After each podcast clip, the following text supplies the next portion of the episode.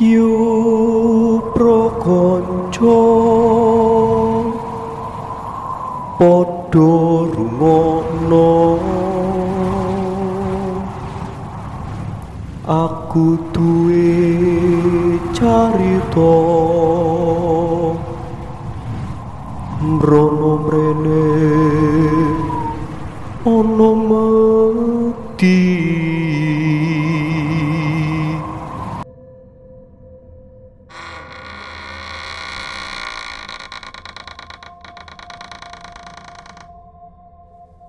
Buat teman-teman yang baru mampir ke channel ini, aku ucapin selamat datang dan salam kenal dengan aku Ainul Yakin di sini.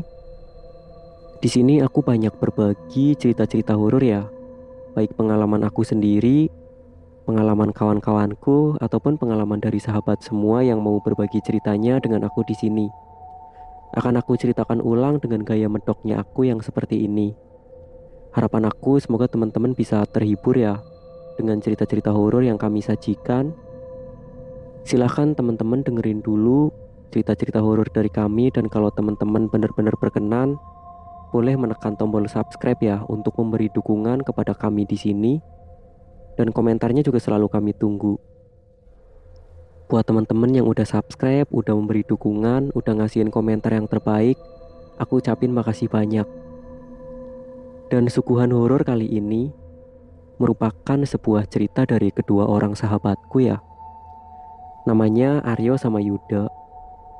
Kejadiannya sekitar bulan Januari yang lalu. Waktu itu di salah satu kabupaten di Jawa Tengah itu ada acara konser dangdut ya. Dan konser dangdut itu bukan konser yang kecil-kecilan. Itu merupakan konser besar dan konser itu ditayangkan di salah satu stasiun televisi juga ya. Karena konser itu juga dalam rangka hari jadi kabupaten tersebut. Dan itu juga menghadirkan artis-artis papan atas ibu kota gitu ya. Jadi acaranya tuh emang bener-bener seru banget. Kebetulan aku tinggal di daerah perbatasan ya antara daerahku dan kabupaten yang ulang tahun ini supaya lebih mudah kita sebut aja Kabupaten P gitulah ya untuk melindungi privasi dan kebetulan aku juga merantau di kabupaten ini gitu kan. Jadi sebut aja Kabupaten P. Aku tinggal di perbatasan antara Kabupaten P dan daerahku. Jadi kalau misalnya dari rumahku mau ke acara konser itu ya itu kalau ditempuh pakai motor mungkin perjalanan sekitar setengah jam lah Nah sore itu kawanku yang namanya Yuda Dia tuh bener-bener semangat banget ya ngajakin aku buat nonton acara konser tersebut. Karena di sana banyak artis-artis dangdut idolanya Yuda gitu ya. Kebetulan Yuda ini suka banget sama musik dangdut. Tapi sore itu aku agak bingung sih. Karena itu kelihatan mendung banget ya kayak mau hujan gede banget sebelum maghrib itu. Jadi akhirnya aku jawab ke Yuda ya udahlah nanti kalau misalnya nanti malam nggak hujan ya aku ikut tapi kalau misalnya nanti malam hujan ya sorry aku nggak bisa ikut gitu kan. Ternyata habis maghrib itu hujan gede banget hujan deras banget. Tapi karena Yuda udah bener-bener semangat ya dia tuh akhirnya ngajakin temenku lagi namanya Aryo. Mereka sama-sama semangat ya mereka berangkat berdua nggak ada rombongan dari sini cuma berdua pakai motor poncengan pakai jas hujan gitu ya demi menonton artis idola gitu kan sampai rela hujan-hujanan gitu. Sesampainya di acara konser itu, itu ternyata hujan gak berhenti ya. Dan selama konser itu, itu bener-bener hujan gak pernah berhenti. Tapi meskipun demikian, acara konser itu dibanjiri penonton yang bener-bener membeludak banget ya. Acara konser itu selesai sekitar jam 12 malam lewat lah. Dan Aryo sama Yuda nonton konser itu bener-bener sampai selesai ya. Karena dari rumah gak ada rombongan ya mereka pulang cuma berdua gitu kan. Kebetulan di sana juga gak ketemu temen yang searah gitu. Nah anehnya saat mereka pulang itu mereka nggak lewat jalan yang waktu mereka berangkat ya, mereka tuh berangkatnya melalui jalur pantura gitu lewat jalan provinsi ya yang rame banyak kendaraan gitu kan. Pulangnya mereka tuh lewat jalan tikus atau jalur pedesaan gitu ya yang cuma melewati beberapa desa terus selanjutnya tuh area persawahan dan perkebunan tebu gitu. Sebenarnya Aryo tuh udah uh, apa ya udah ngingetin Yuda sih karena waktu itu Yuda yang bawa motor kan Aryo udah ngingetin kalau lewat situ tuh gelap banget gitu kalau malam apalagi hujan-hujan kayak gini. Takutnya ada begal terus ada apa-apa juga gitu kan. Tapi katanya Yuda udahlah udah dingin nih nanti biar sampainya tuh lebih cepet kalau lewat jalur pintas gitu kan langsung masuk ke desa kita katanya Yuda kayak gitu. Akhirnya ya oke okay lah Aryo pun uh, diem ya nggak bisa ngomong apa-apa. Orang yang bawa motor Yuda juga kan ya udah terserah lah gitu akhirnya mereka pulang lewat daerah pedesaan gitu melewati beberapa desa dan saat mereka mulai memasuki area kebun tebu itu mungkin karena gelap apa mungkin karena ngantuk ya Yuda bawa motornya. Jadi ada genangan air yang cukup dalam itu diterjang aja sama si Yuda. Akhirnya mesin motor kena air kan kerendam air. Terus yang mereka takutkan benar-benar terjadi jadi mesin motor itu mati di tengah-tengah perkebunan tebu yang gelap banget. Kiri kanannya cuma ada tebu doang gitu ya. Akhirnya si Aryo ini ngomel-ngomel kan sama si Yuda. Gimana sih diingetin lewat jalur pantura aja malah lewatnya sini. Udah gitu ngantuk lagi bawa motornya gitu kan. Tapi Yuda cuma diem aja dia tuh langsung ngecek busi motor yang mungkin basah gitu ya dan gak mungkin lagi itu udah pasti basah gitu kan. Dan saat Yuda lagi ngecek lagi ngotak-atik busi motor itu ya lagi ngotak-atik mesin motor itu tuh mereka berdua tiba-tiba denger kayak ada suara sirene ambulans gitu ya. Suaranya tuh katanya keras banget. Seakan-akan uh, ambulan itu tuh deket banget sama mereka gitu ya. Tapi mereka ngelirik kiri kanan itu nggak ada apa pun. Semuanya gelap ya di sebelah kiri jalan kebun tebu, sebelah kanan juga kebun tebu gitu. Terus katanya si Aryo, gila malam-malam kayak gini jauh dari jalan raya. Ada suara ambulans keras ini, dari mana ya gitu. Terus si Yuda cuma, udahlah diem aja gitu, nggak usah dibahas gitu kan. Nggak lama kemudian, itu mereka emang melihat sorotan cahaya lampu ya, cahaya lampu mobil gitu. Dan mereka yakin itu merupakan mobil ambulans yang membawa jenazah ya. Akhirnya si Aryo, yuk itu yuk mobilnya, yuk kita minggir dulu gitu kan, ngomong sama Yuda kayak gitu. Dan mereka akhirnya uh, lebih menepi lagi gitulah.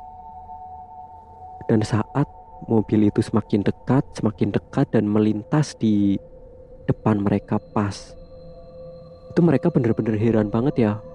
Di situ di jalan itu banyak banget genangan air karena jalanan itu cukup rusak ya berlubang-lubang gitu. Karena di situ kan kiri kanannya kebun tebu gitu. Jadi kalau misalnya tebu itu dipanen kan banyak truk pengangkut pengangkut tebu yang apa e, lewat di jalan itu gitu ya. Jadi jalannya kan rusak. Tapi ambulans itu bener-bener cepet banget jalannya wus gitu. Dan anehnya itu sama sekali nggak ada genangan air yang terciprat sedikit pun. Jadi ambulans itu jalannya tuh kayak terbang gitu ya.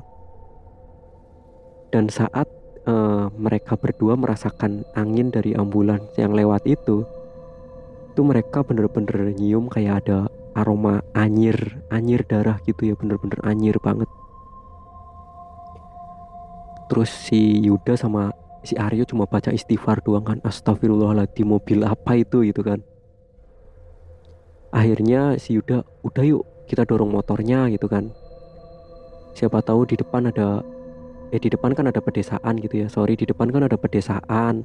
Barangkali ada warung yang masih buka kita ngopi dulu gitu buat menghilangkan debar-debar jantung juga gitu kan. Akhirnya mereka e, menyalakan sebatang rokok dulu buat menghangatkan badan gitu ya. Terus mereka lanjut mendorong motor berdua. Saat mereka lagi mau jalan itu mereka berdua tuh bareng ya kelirik ke arah kiri dan baru mereka sadari ternyata di sebelah kiri mereka itu ada berdiri ya satu sosok sosok itu hitam banget karena semuanya tertutup rambut yang amat panjang ya dari dari jadi dari ujung kepala sampai ke ujung kaki itu semuanya rambut. Nggak tahu ya kakinya tuh ngadep mana itu sosok itu apa melihat ke arah mereka apa memunggungi mereka itu mereka nggak tahu. Karena sosok itu bener-bener ketutup rambut semua gitu ya sama sekali nggak kelihatan mukanya gitu. Kalau katanya si Aryo itu sih merupakan sosok Miyangga ya jadi kayak jin air gitu tapi di situ nggak ada air selain genangan air hujan itu ya anehnya tuh kayak gitu. Akhirnya si Yuda sama sorry gue merinding ya aku bener-bener merinding banget nih. Jadi si Yuda itu uh, langsung mendorong motor kan cepet banget. Terus Aryo ngikutin di belakangnya gitu mendorong bagian belakang motornya itu. Gila sosok apa tuh gitu ternyata saat mereka udah jauh dan mereka melirik ke belakang sosok itu katanya ngikutin mereka ya di belakang gitu. Jadi jalan ngambang gitu katanya dan mereka cuma bisa baca-baca doa gitu kan. Sambil baca istighfar gitu sampai dengan nafas yang ngos-ngosan mereka terus mendorong motor gitu ya. Dan akhirnya mereka memasuki area pedesaan lagi dan kebetulan banget ya di situ ada salah satu warteg yang masih buka. Dan mereka tuh cerita ya sama tukang warteg bapak-bapak tukang warteg yang ada di situ. Mereka cerita apa yang mereka lihat. Dan ternyata emang bener di jalur itu ada sosok Miyangga yang uh, suka berdiri di pinggir jalan gitu ya. Tapi biasanya nggak ganggu sih cuma berdiri aja gitu Nah, mungkin uh, ini dulu ya cerita dari aku tentang kedua orang kawanku ya yang diliatin sosok Miyangga uh, sepulang nonton konser dangdut gitu kan. Semoga teman-teman terhibur dengan cerita yang aku bagikan, yang aku share. Dan kalau teman-teman pernah mengalami kejadian horor, boleh ya uh, berbagi cerita bareng aku di sini Kirimkan cerita teman-teman semua melalui email kisah lelembut at gmail.com dan melalui DM Instagram ya at podcast kisah lelembut nanti cerita dari teman-teman semua akan aku ceritakan sesuai dengan gaya ceritaku yang apa adanya seperti ini ya. Terima kasih. Oh ya cerita ini aku dapetin dari Yuda sama Aryo secara langsung ya dan aku juga udah bilang mau share cerita ini ke teman-teman semua jadi aman lah ya. Oke terima kasih udah mendengarkan. Mohon maaf apabila kata-katanya tuh gelibet Banyak perkataan yang kurang berkenan Atau mungkin banyak kata-kata yang kurang bisa dipahami. Aku mohon maaf yang sebesar-besarnya. Terima kasih sekali lagi. Kita berjumpa lagi di episode yang selanjutnya. Wassalamualaikum warahmatullahi wabarakatuh. See you